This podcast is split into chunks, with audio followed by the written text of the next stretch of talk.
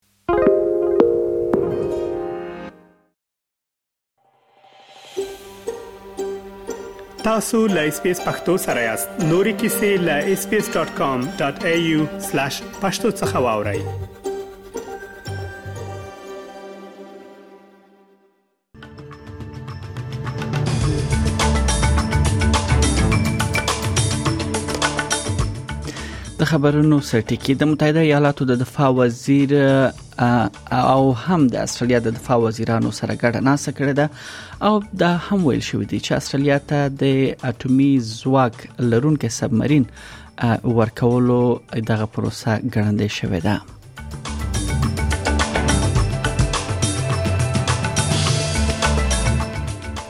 بل د متحده ایالاتو او هم د چین ترمنځ یو ځل بیا سیاسي کړکېچ زور اخیسته دی انټونی بلنکن چې د امریکا د بهرنیو چارو وزیر دی چین ته یې خپل سفر ځنډولی دی ځکه چې د چین یو جاسوسه بالون د امریکا په فضا لیدل شوی دی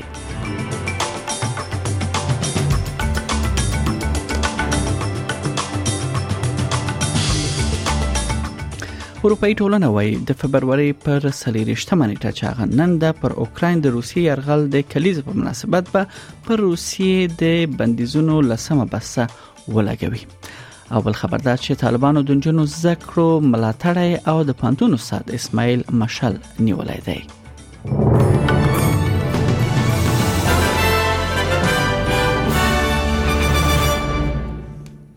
او دا هم بشپړ خبرونه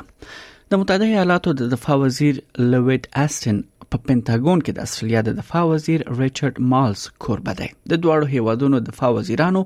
د هند پاسفیک امنیت یا آکس ترتیباتو په اړه خبرې وکړې آکس د استرالیا انګلستان او متحده ایالاتو ترمنځ درې اړخیز امنیتي تړون دی او دا په 2021 کې جوړ شو خغلی استن وایي استرالیا په دودیز ډول وسلوال اټومي ځواک لرونکي سبمرین وړتیا ترلاسه کولو برخه کې د پام وړ پرمختګ کړی دی وزیر مالز وویل چې ننګونه د استرالیا شاوخوا او په پراخه کچه ټوله نړۍ کې مخ په ډیرې دودي له همدې امله د آکس په سیر متحدینو او شراکتونو ته ستراتیژیک اړتیا ده there is a, a really uh, profound sense of shared mission right now um, between our countries. uh, in a world where global the global rules based order is under pressure, um, and where countries which stand for it need to be working together as we are uh, to uphold it, so that we do um, enjoy a free and open world. And we see obviously the global rules based order being under pressure in Ukraine. We see it in the Indo-Pacific as well. د متحده ایالاتو د بهرنیو چارو وزیر انټونی البن انټونی بلنکن چین ته خپل سفر په داس حال کې وزندو چې د دواړو هیوادونو ترمنځ یو ځل بیا سیاسي کړکېچ رامنځته شوی دی د سفر زندولو په اړه خغلی بلنکن څرګنده کړه چې له هغه وروسته چې یو چینایي جاسوس بالون د امریکا په فضا کې ومندل شو او په متحده ایالاتو کې الوتنه تعقیب شو نو موري یې لامل چین ته خپل سفر وزندو واشنگټن دغه عمل د فضایي حریم حاکمیت او نړیوال قانون څخه سرغړونه بلله ده امنیتي چارواکو د یاد بالون غورځولو او ویشتلو پر سر هم غور وکړ ولې امنیتي دلایلو لمخې لدې نظر څخه دوی تیر شول چین وایي دا بالون ساينسي آزموینه لپاره په هوا کې وو او د باد لامل امریکا فضا ته داخل شوې دی ول امریکا دا تیرای غني او د نړیوالو قوانینو خلاف عمل یې بولی د بلنکن د سفر زندول د دواړو خواو د اړیکو ښه کولو فرصت شاته چولای We continue to track and monitor the balloon closely. We're confident this is a Chinese surveillance balloon. Once we detected the balloon, the U.S. government acted immediately to protect against the collection of sensitive information, that it's an irresponsible act, and that the PRC's decision to take this action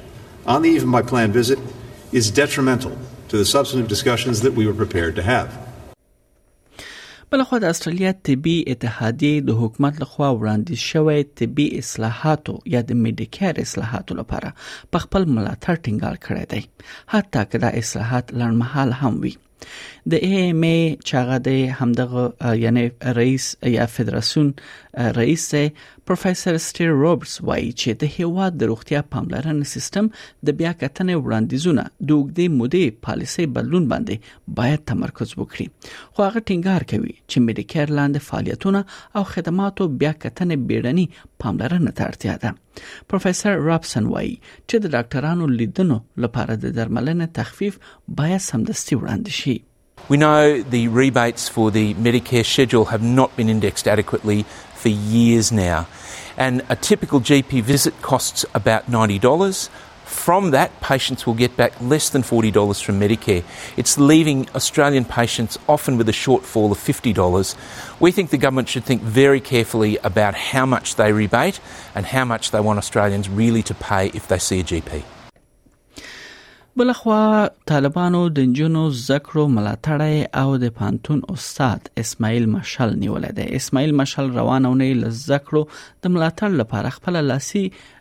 کراچۍ یعنی لارو کوڅو ته راایستل و او خلکو په ځانګړي ډول جنو او مرمنو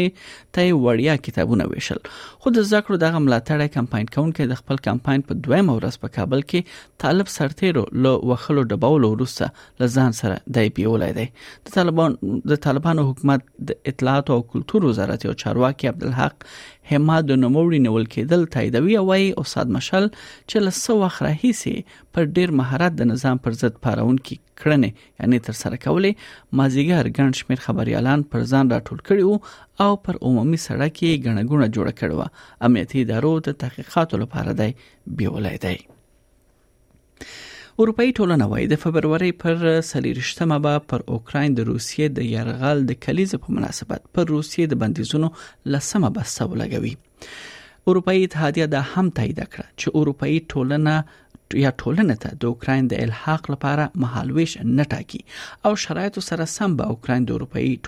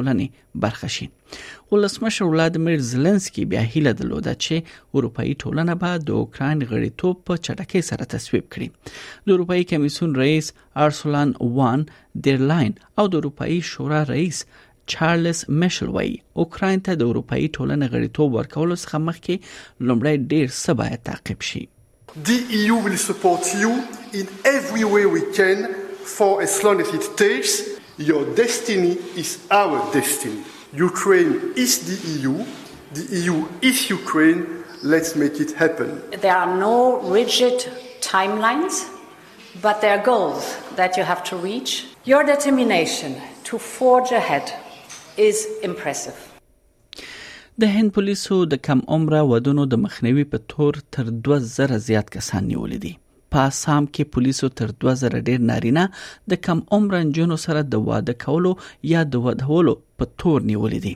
چارواکو د دې عمل په اړه نوي عملیات هم پیل کړي دي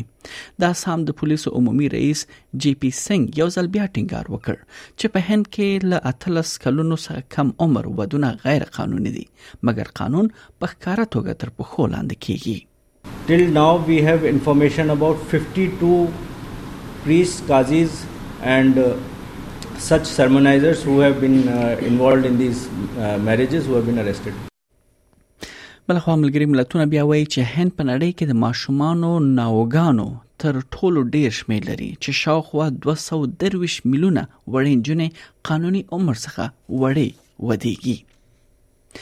بل خبر هم له هند څخه دی د هند اقتصاد له هغه وروسته له ننګونو سره مخ شوی دی چې د یاد هیواد تر ټولو شتمن سوداګر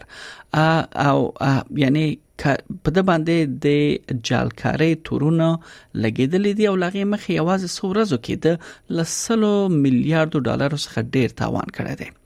د اډانی ګروپ ډله لسون سره مخ ده ځکه چې د هغې د ونډو ارزښتونه په چټکۍ سره راټیټيږي او دا د هند اقتصاد ته ډیر زیان رسوي د استرالیا په ګډون د قانونو په برخه کې فعال اډانی ګروپ د هند یو له لویو کاروبارونو څخه دی دا وروسته له هغه رامنځته شو چې یو راپور د مالیې د سرنګوالي په برخه کې د اډانی د کړنو په اړه پوښتنه راپورته کړې د هند حکومت د خپل پارلماني چارو وزیر پرهلاد جوشي لاره خبر ورکړی دی چې هند حکومت له اډانی مسلو سره هیڅ تړاو نه لري سنیل شاه د مالی خدماتو شرکت څخه وایي وضعیت د اندېښنې وړ دی ځکه چې اډانی د ممبای سټاک ایکسچینج د نفتی 50 شاخص برخه لري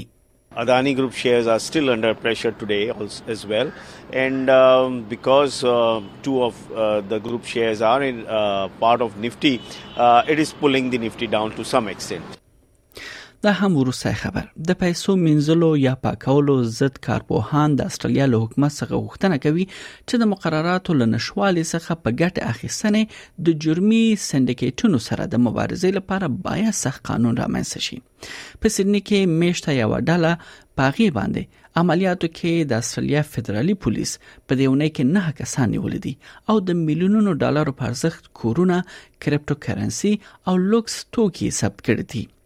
په محکمه کې به دا تور ولګول شي چې د سازمان د 2013 او 22 ترمنځ د 150 میلیونو ډالرو پورته یعنی دوی ګټه ترلاسه کړې ده په داسې حال کې چې دا ډله د یو غیر منظم او غیر قانوني بانک په توګه کار کړی دی او لمخې مجرمینو ته راکړه ورکړې اسانتیاوې برابر کړي د پیسې منځلو ضد سافټویر شرکت سی یو e یا مشر فرس ایمل میلاد کوپر وایي چې د قانون جوړونې نیمګړتیاو څخه د مجرمینو څخه د ګټه اخیستنې د مخنیوي لپاره ډیر ستارتیا ده I think this is just tip of the iceberg, quite frankly. Yeah, I think I would just encourage the, the legislators and, and the regulators in Australia to sort of follow what their peers have done on the international stage because the, the reality is that there are horrific crimes uh, being committed by criminals and uh, the current system and the lack of rules is, is enabling this to happen. And so I think um, I think you know the, it's time for for Australia to to take the next step